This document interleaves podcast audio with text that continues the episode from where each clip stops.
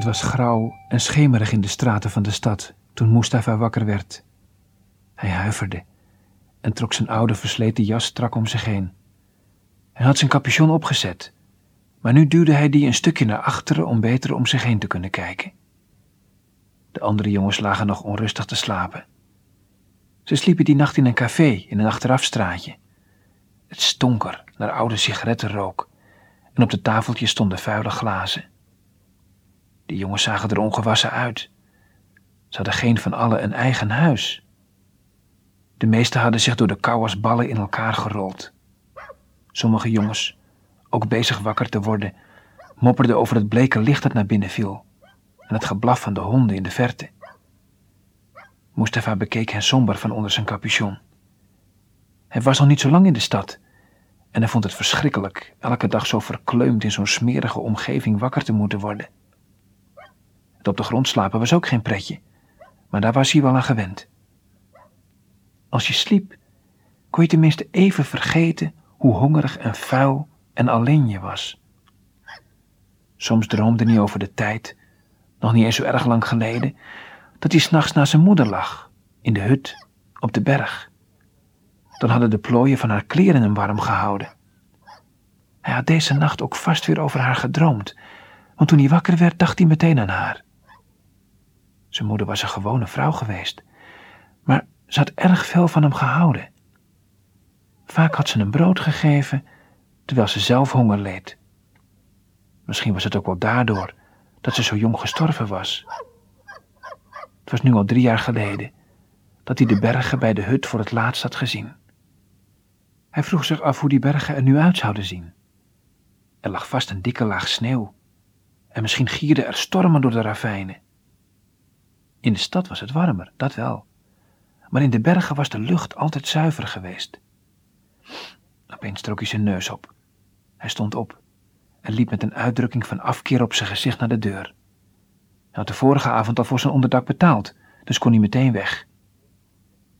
Het was net of de koude buitenlucht hem een klap in zijn gezicht gaf. Hij zette er maar flink de pas in. Al zijn spieren waren stijf en zijn tanden klapperden.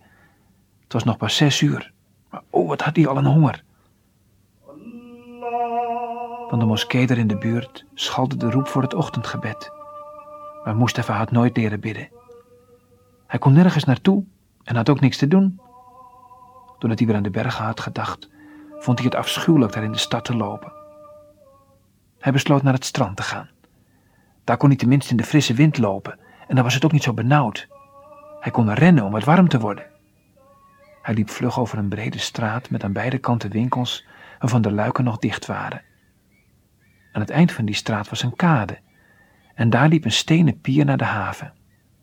In de haven lagen grote schepen gemeerd, maar rechts strekte zich een golvende brede strook zand uit. Dat was het zand van de baai, die werd omgeven door met struikgewas begroeide heuvels.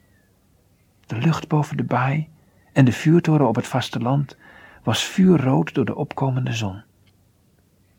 Ondanks zijn stille verdriet was de jongen onder de indruk van de schitterende zonsopgang. Hij bleef er even naar staan kijken. Het was heerlijk op het strand. Alleen hij, de krijzende meeuwen en de korte golven met hun gouden glinstering. Toen ontdekte hij wat anders. In de verte op het strand aan de andere kant van de baai kwam net een vissersboot aan. Een groepje mannen klom eruit. Mustafa wist wat dat betekende. Ze gingen een net binnenhalen. Misschien zat er voor hem die ochtend dan toch nog een ontbijt in. Hij trok zijn jas uit, knoopte die om zijn middel en begon over het natte zand te hollen. De meeuwen vlogen krijzend op en zijn blote voeten lieten een spoor in het zand achter. Hijgend bereikte hij de mannen. Ze waren slecht gehumeurd, dat zag hij wel. Ze hadden ruzie gemaakt over het verdelen van hun vangst. En toen waren er twee jongens woedend verdwenen omdat ze weigerden verder mee te helpen. Mustafa was dus net op tijd. Ik trek wel mee, hijgde hij, waarbij hij zijn best deed groter te lijken dan hij was. En uh, ik kan ook helpen de vissen naar de markt te brengen. De visser zag dat de jongen onwerkelijk om werk zat te springen en daarom alles zou aanpakken. Hij zei wat hij Mustafa wilde betalen. Mustafa's ogen schoten vuur. Dat is veel te weinig, protesteerde hij boos. Oh, als je het niet genoeg vindt, maak dan maar dat je wegkomt. antwoordde de visser, terwijl hij zijn mouwen oprolde. Ik heb zo een ander hoor. En dat was ook zo. Er liepen meer jongens over het strand, dus Mustafa moest gauw een beslissing nemen. Als hij niet inging op het aanbod van de man, zou hij honger moeten lijden. Boos smeet hij zijn jas op het zand om zijn plaats aan het touw in te nemen.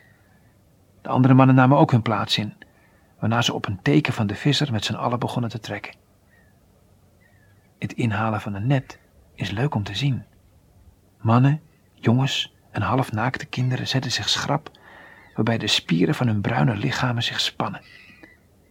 Dan laten ze allemaal tegelijk los en pakken het touw een eind verder vast, om het net weer een stuk verder te trekken. Er wordt geen woord gezegd. En ze werken in precies hetzelfde ritme, waarbij ze geholpen worden door de vloed, waardoor het net, dat nog een heel eind van het strand is verwijderd, langzaam maar zeker dichterbij komt. Met een laatste enorme ruk en een plotseling geschreeuw wordt het net dan op het strand getrokken. Als de glinsterende massa vissen op het zand ligt te spartelen, komen de mannen aanholen om ze te gaan sorteren. Niet alle vissen zijn goed. De dieren die worden afgekeurd, worden aan één kant op een grote hoop gegooid, zoals kwallen en zeesterren. Maar de sardientjes, de inktvissen, haringen en makrelen worden in platte houten kisten gelegd. De jongens dragen deze druipende kisten op hun schouders naar de markt, waarbij hun kleren doorweekt raken van het zoute zeewater dat uit de kisten lekt.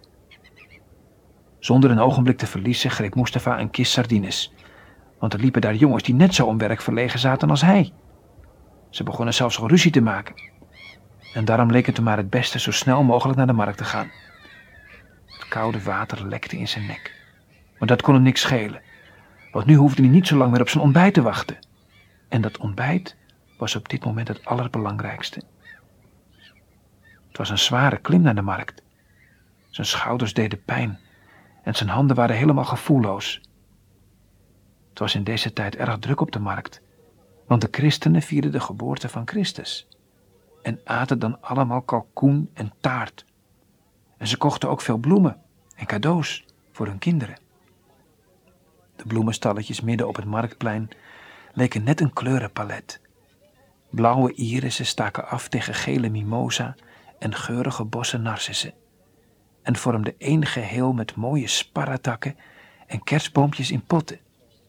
En de vleesstalletjes, die waren ook mooi, want alle kalkoenen, ganzen en kippen hadden rode manchetten om hun poten. En druk dat het was. Hoewel het nog pas acht uur was, zagen de straten al zwart van alle Franse, Spaanse en Engelse vrouwen.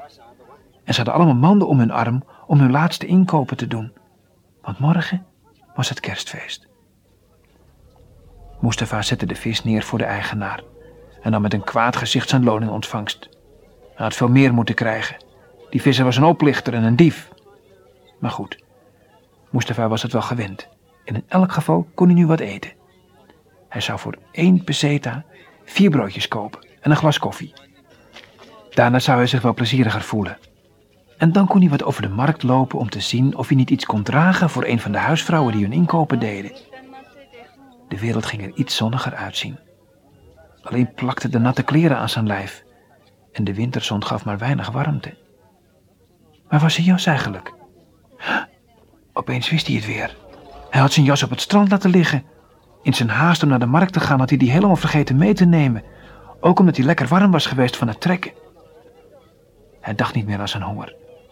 Want je jas kwijtraken, dat was het ergste wat je kon overkomen. Zo snel hij kon draafde hij weer naar het strand. Hij liet zijn ogen over het zand gaan. En ja, dat was de plek. De boot lag er nog, net als de hoop kwallen. Maar de jas was nergens meer te bekennen. Hij was verdwenen en hij had ook geen zin ernaar te gaan zoeken. Door al het hollen was Mustafa warm geworden. Maar hoop op een andere jas was er niet. En het koude weer van de winter was nog maar net begonnen. Hij zou voor een jute zak moeten gaan sparen. En goed ook. Dat betekende die ochtend dus geen koffie. En maar twee broodjes. Kwaad liep hij weer naar de stad. De zon stond inmiddels hoog aan de hemel. En de zee was één blauw glinsterend vlak. De kust van Spanje aan de overkant van het water werd door een zilveren waas aan het oog onttrokken. Waarom was de natuur die ochtend zo mooi? En waarom waren de mensen zo slecht? Hij had voor zijn werk nog niet de helft gekregen van wat hij eigenlijk had moeten krijgen. En bovendien was zijn jas gestolen. Bah! Mustafa kon geen mensen meer zien. De pakketboot uit Gibraltar arriveerde om elf uur. Toen Mustafa de boot zag aankomen, rende hij naar de pier van de haven om daar vooral niet te laat te zijn. Dit was meestal het beste moment van de dag, want dan had hij de meeste kans iets voor zijn middageten te verdienen. Het was zaak op tijd te zijn, want er waren heel veel andere hongerige zwervertjes die er ook op uit waren daarom middageten te verdienen. En er was niet altijd genoeg werk voor iedereen. De stoomboot liet met veel geratel zijn anker vallen. Toen even later de passagiers met hun zware bagage door de douane kwamen en, wat nog beter was, de nog zwaardere spullen op de kade werden gezet om op lorries te worden getild, drongen alle jongens naar voren. Het ging er om de meest onervaren en schichtig kijkende toeristen eruit te halen. Bij voorkeur een Amerikaan, omdat die het meeste geld hadden. En hem of haar aan te bieden tegen een gigantisch bedrag de stad te laten zien of naar een hotel te brengen.